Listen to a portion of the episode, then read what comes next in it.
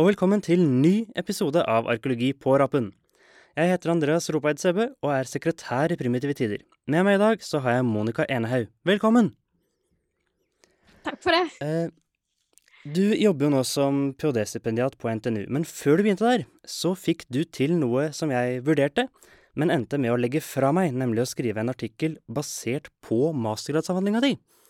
Den artikkelen den sto på trykk i gjeldende nummer av Primitive Tider og heter Saurbøkken, A Discussion of Food Subsistence Strategies. Kan du aller først forklare kort hva artikkelen handla om? Ja, um, artikkelen gikk ut på å fortelle litt mer om bosetningshaugene Soløy og Sørbekken, og da spesielt med fokus på Sørbekken. Der jeg da har tatt tak i det zooarkeologiske materialet for å se litt på hva type økonomi de to bosetningene hadde tilgjengelig, om det endret seg over tid, og hvordan dette da samsvarer med andre bosetninger. Så dette er bosetninger i, i, i Nord-Norge, stemmer det? Ja, Troms og Finnmark. Fantastisk. Nordland, Troms og Finnmark. Um, Artikkelen har vært uh, uh, gjenstand for en, en uh, episode av Arkeologi på rappen tidligere. et intervju du gjorde sammen med Vibeke Viestad. Så det er strengt tatt ikke artikkelen i seg sjæl vi skal snakke om i dag. Det vi skal snakke om i dag, det er selve prosessen rundt det å skrive en artikkel basert på en mastergradsavhandling. fordi som mange nok har merka, og som jeg fikk merke sjøl, så er ikke det nødvendigvis noen enkel prosess. Så det aller første jeg lurer på, er egentlig bare sånn generelt Når var det du bestemte deg for å gå løs på det prosjektet? Altså, ideen kom etter jeg var ferdig med muntlig. For jeg hadde da på en måte valgt å ikke publisere den på, på, på nettsiden til universitetet som jeg gikk på, fordi at eh, jeg ville høre hva tilbakemeldinger jeg fikk først. Men det tok altså to måneder før jeg orket på en måte å sette meg ned igjen med oppgaven og lese gjennom den en til. Fordi at når når jeg var ferdig med muntlig, så var jeg ganske ferdig med den oppgaven. Men, men, etter to måneder så hadde jeg fått litt tid til å tenke litt på det og finne ut litt mer hva jeg ville og sånn, så da, eh, da gikk jeg i gang og jobbet med den. Ja. Hvordan, hvordan var denne Altså eh, I masteren så jobber man seg jo fram til Altså, det er jo et veldig stort arbeid i masteren. Så kommer man jo også fram til veldig mye spennende som man har veldig lyst til å få ut mest mulig ofte. Eh, sånn sett så er det en givende prosess, men hvordan var det mer generelt? Hvordan opplevde du prosessen med å jobbe om masteren? Med masteren Jeg syns egentlig at det var, var veldig kjekt, fordi du fikk gå i dybden. Eh, og jeg tenkte jo på en måte at når jeg gikk inn i det med å skulle skrive master, at jeg skal i hvert fall ikke ta ph.d. Men det med å få tid til å gå inn og lese og virkelig bruke tid på noe, det var kjempespennende og kjempegivende. sånn at det, når jeg var på en måte på andre siden, så, så, så, var det liksom ikke noe tvil. Det var dette jeg ville gjøre videre.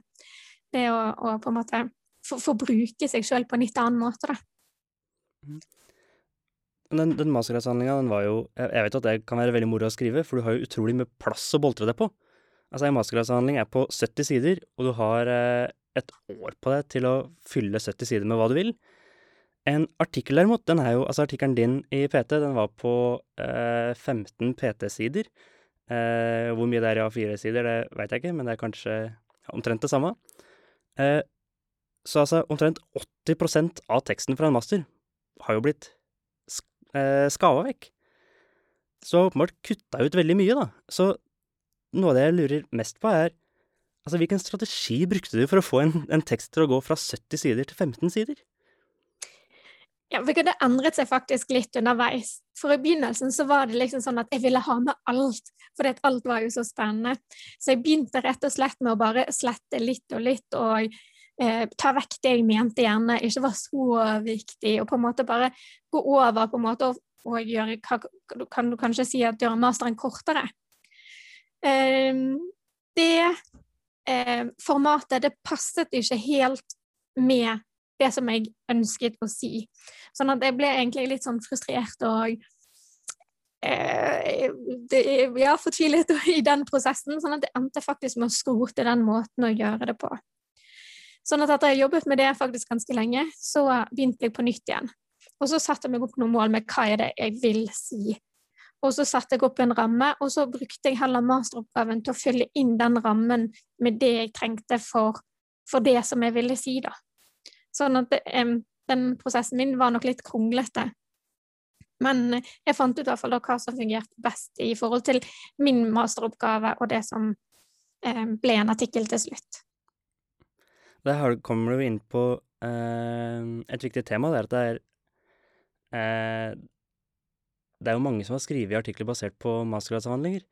Og jeg har snakka med litt forskjellige folk og sett at det er, eh, det er en del forskjellige måter som som utpeker seg. Det trukket fram særlig tre strategier. Da. Den ene er det jeg kaller ostehøvelkutt, altså å, å, kutte ned som du, som du snakka om, uh, og prøve å kutte ned og bare ta med alt. Uh, og jeg tror ikke jeg kjenner noen som faktisk har endt opp med å gå for den strategien. Og så er det også De to andre er enten å spisse inn mot én del av mastergradsavhandlinga, og så den siste er å ikke skrive en artikkel basert på mastergradsavhandlinga, men å, eh, å skrive en artikkel som går videre innafor samme tema. Og du har vært litt inne på det, eh, for du sa at formatet ditt passa best for å spisse. Kan det stemme? Mm. Hva tror du det er som avgjør hvilken strategi eh, som passer best? Altså, hva, hva, avgjør om man burde gå for dette ostehøvelkuttet? Hva avgjør om man burde gå for å spisse? Hva avgjør om man burde gå videre? Er det, er det materialet man jobber med i masteren, eller er det personligheten, eller hva er det Altså personligheten til den som skriver? Jeg tror nok kanskje det, det er litt sammensatt, men at altså For det, er jo òg gjerne mange ulike måter å skrive en masteroppgave på. Sånn at det òg har jo litt å si for hvordan du arbeider med den videre. Og så tror jeg, for Når du skriver en sånn oppgave, sånn, så finner du jo plutselig noen ting som blir veldig spennende, som gjerne var ikke det du så, det, så for deg når du startet. Og da kan det være kjekt å ta på en måte litt mer fokus på den tingen. Og eh, at det da kan være liksom bedre å plukke ut deler av artikkelen. Og så kan det òg hende at de delene som du ikke fikk i første, det kan du heller gå, gå til en annen, men, men jeg tror det er litt litt sammensatt, for du valgte jo en helt annen strategi enn meg. Det stemmer. Det stemmer. Um, jeg valgte å, å gi opp å skrive noen artikkel basert på masteren, men heller gå videre og, og skrive uh, Skrive om samme område og grovt sett samme tema. Um, så jeg valgte å ikke å, å uh, å bevege meg litt bort fra masteren, rett og slett. Ja. Så det, så det var en helt annen måte å, å gjøre det på, som jeg òg ser er kjempenyttig. Hadde du valgt det samme nå? Nå bare tenker jeg på, for det at jeg, jeg måtte jo velge på nytt igjen midt i prosessen. Om jeg hadde valgt det samme nå? mm. Ja, jeg tror egentlig det. Um, jeg prøvde i grunnen Jeg vurderte, sånn som nok veldig mange har gjort, eh, så vurderte jeg først den ostehøvelkuttmetoden, akkurat sånn som du gjorde, eh, men fant i grunnen ut, eh, som alle andre, at det funka dårlig. altså, hvis hvis 80 av masteren din bare er sprøyt, så er jo, så er jo ikke det noe godt tegn. Um, Og så gikk jeg egentlig etter hvert for, oss, for metoden med å spisse. Problemet var at masteren min besto av eh, en Altså, masteren min besto av veldig ulike deler som ikke var så spennende hver for seg. Altså, det som var spennende, det som var interessant, oppsto egentlig først når du satte det sammen. Um, altså, en, en, master skal jo ideelt sett bestå av, av, ulike deler som bygger på hverandre, men som står selvstendig på egne bein. Og masteren min gjorde ikke helt det. Um, så jeg prøvde først å, å, å spisse, og spisse mot det mest interessante ved masteren, og det mest interessante med masteren var det teoretiske. Uh, og det var jo også et uh, problem, fordi altså, jeg skrev på, på IAKH. Der er jo eh, de teoretiske De er veldig interessert i, i teori. Jeg var veldig interessert i teori sjøl. Um, mens redaksjonene i Eh, redaksjonene i tidsskriftene i Norge er eh, ofte interessert i teori, men de er ikke nødvendigvis like interessert i, i teori som det vi er på JKH, da. Eh, så det gjorde jo også at at det, det rett og slett for det første var vanskelig å spisse, og for det andre, hvis jeg skulle spisse, så måtte jeg spisse det inn mot, mot noe som nok ikke, rett og slett ikke var så interessant for publikum jeg skrev for. Um, pluss at jeg I masteren jobba jeg med et, et, materiale som var veldig vagt eh, Altså veldig Det var veldig stor usikkerhet knytta til datering av materialet jeg brukte i masteren. Og det er rett og slett helt utrolig tungt å jobbe med. Så jeg var rett og slett ganske utkjørt. Um, så jeg var ikke helt forberedt på spørsmålet, men jeg må vel si at uh, ja, jeg hadde valgt det samme igjen. Ja, Så da var det litt på grunn av materialet og, og, på en måte dateringen og sånn som, som, gjorde at du tok ditt valg, på en måte? Ja, både det og strukturen. Uh, at strukturen rett og slett ikke egna seg. Så for ja. meg var det nok mer det enn det var personlighet eh, det gikk på. Mm. En ting jeg har sett på eh, Jeg skrev masteren min på norsk, og så skrev jeg artikkelen på norsk også. Eh, hvilket språk var det du skrev masteren din på? Engelsk. Du skrev masteren på engelsk, og du skrev også artikkelen på engelsk.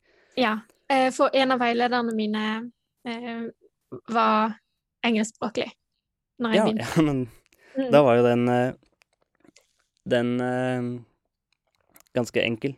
For jeg, vi har også sett folk som har skrevet både mastere på norsk og artikler på engelsk, og folk som har gjort motsatt vei. Å skrive, å skrive en eh, master på engelsk og en artikkel på norsk. Vurderte du noen gang Altså, var det noe, noe flere grunner til at du valgte engelsk, enn at det var det språket veilederen din beherska best, eller var det ja, for det, eh, jeg har jo en osteologisk oppgave, og jeg reiste til England for å få den kunnskapen om, om den type materiale, om du kan kalle det det. da. Sånn at eh, mitt arbeidsspråk innen feltet har på en måte hele tiden òg vært engelsk. Det er der jeg lærte dette faget på, kan du si. Sånn at det å da komme hjem og så bare fortsette på engelsk, for jeg kunne jo kreve det på norsk. For hun som var min veileder, hun lærte seg jo norsk et, etter hvert liksom, og kunne fint lese det. sånn at det var jo ikke sånn at det, det, var et krav om at jeg skulle gjøre det, men at det bare ble et godt arbeidsspråk da, som vi fortsatte å, å, å bruke gjennom masteren. Ja. Jeg har eksempel snakka med Margrethe Havgard, som skrev master på engelsk og artikkel på norsk, eh, som nok Som Som sa at rett og slett det å oversette Altså, hun Eh, snakker jo begge språka flytende og alt. Men til tross for det, når hun hadde engelsk innarbeida som arbeidsspråk, så sa hun at det var ganske mye arbeid å jobbe om til et annet språk, selv om man kan begge språka. Eh, så det er jo Det er kanskje et større problem hvis man skriver eh, hvis, hvis, man skriver på bakgrunn av en master, enn hvis man skriver videre på eh, enn en hvis man skriver videre arbeid sånn som jeg gjorde. Men eh, det kan jo i hvert fall være en, en, en, stor jobb. Ja, absolutt. Og det er jo noe med det òg at eh, en del ord lar seg på en måte ikke oversette på samme måte. Sånn at en, noen ganger så brukte jeg de norske ordene, så de står på en måte i teksten, og så har jeg bare en engelsk forklaring til de. Eh, for jeg fant liksom ikke noe godt engelsk ord som betydde akkurat det samme. ja. Den er jo også fort gjort. Um, nå ser jeg at vi begynner å renne ut for tid på dette intervjuet. Så uh, det siste og kanskje uh, viktigste spørsmålet vi har i dag, er egentlig Nå har jo du uh, lyktes med å skrive en, en master om til en artikkel. Og eh, det er også ikke så lenge til mange nye Altså mange som er masterstudenter nå, leverer eh, masteren sin, får den evaluert, og kanskje også har lyst til å skrive masteren sin om til en artikkel. Så jeg lurer på, til alle dem som nå sitter med en eh, snart ferdig eller eh, snart eh, nyevaluert master, hva er det viktigste rådet du vil gi dem for at dem kan skrive for at de kan jobbe masteren sin om til en artikkel? Så det, for, for, min del så var det det å finne ut Altså bare sitte ned nøyaktig hva det var jeg ønsket med denne artikkelen. At det var Jeg burde jeg hadde jo en viss formening om det før jeg begynte, selvfølgelig, i det hele tatt, men at du er, blir, går veldig konkret og setter ned 'dette er det jeg vil fortelle'. For da har du på en måte um, jeg bestemt deg litt i forkant, så det blir ikke mye sånn bying gjerne, sånn som jeg hadde i begynnelsen. Med at du, du, lager en plan på en måte før du begynner å skrive, for jeg ville jo bare begynne å skrive. Eh, så det var det som fungerte best for min del, at jeg laget den, det helt konkrete tingene som jeg ville dra ut av den masteroppgaven, og at jeg laget rammen rundt. Um, for jeg syns jo at det å gjøre dette det har vært en veldig lærerik prosess, for du får veldig gode tilbakemeldinger, og du lærer deg på en måte å bearbeide stoff på en litt annen måte enn det du gjør for eksempel, som du sier, gjennom en masteroppgave. Så, men jeg tenker at du kanskje òg har noen viktige Nei, jeg, jeg, egentlig Det var mye av de samme erfaringene jeg hadde. Eh, og rett og slett tenke om hva er det jeg vil med denne teksten. Eh, en ting som jeg tenkte også på, som jeg ikke var eh, rask nok til å gjøre, som jeg, som jeg bomma litt på, enda jeg egentlig hadde fått råd om det på forhånd, det var at eh, en god idé ofte kan være å gå inn og lese Altså hvis du, hvis du veit hvilket tidsskrift du sikter deg inn mot, da, så gå inn og lese artikler som har blitt publisert i det tidsskriftet tidligere, for da får du litt en idé om hva de, hva de ser etter, hva de er ute etter. Det er jo et litt tvega sverd, for hvis du Altså, hvis du foreleser deg på ting Altså, du skal det skal jo være din egen tekst og ikke en kopi av noen andres tekst. Så man må jo prøve å beholde seg sjæl i det. Men Men eh, jeg tror at jeg skulle vært flinkere til å rett og slett sette meg inn i inn i hva det aktuelle tidsskriftet ønsker. Tror jeg hadde tror hadde hjulpet meg mye. Er det noe mer du vil legge til? Nei. OK. Nei, jeg er helt, enig med det, egentlig, ja. At det er en god måte å gjøre det på og gå frem på. Fantastisk. Da vil jeg si tusen takk eh, til deg. Tusen takk til eh, Joakim i studio på eh, Universitetet i Oslo, som hjalp oss med opptaket. Og tusen takk til alle som hørte på, og ha det bra.